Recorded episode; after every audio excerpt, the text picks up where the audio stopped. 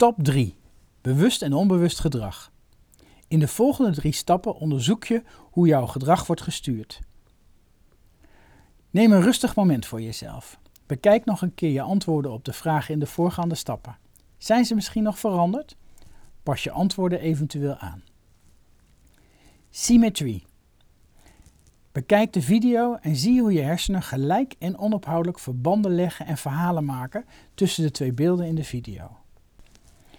In de video zag je steeds twee beelden naast elkaar. Bijvoorbeeld van popcorn en bioscoop, politie en boef, kat en muis, dag en nacht, jong en oud, etc. etc. Heb je gemerkt hoe je verstand telkens een relatie legt tussen die twee beelden en er meteen een betekenis aan toevoegt? Voor je het weet vind je verstand ergens iets van. Voor je het doorhebt heb je een oordeel over iets. Zo ontstaat onbewust je eigen versie van de beelden die je hebt gezien.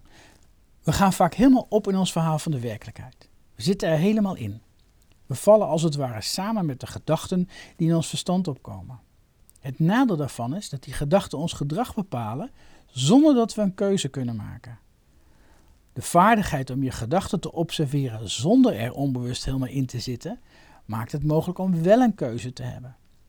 Zo kun je in een bepaalde situatie bewust kiezen welk gedrag je wilt laten zien, in plaats van onbewust en automatisch te reageren op een gedragsimpuls met een ongewenst effect. Meer hierover kom je later in het programma te weten.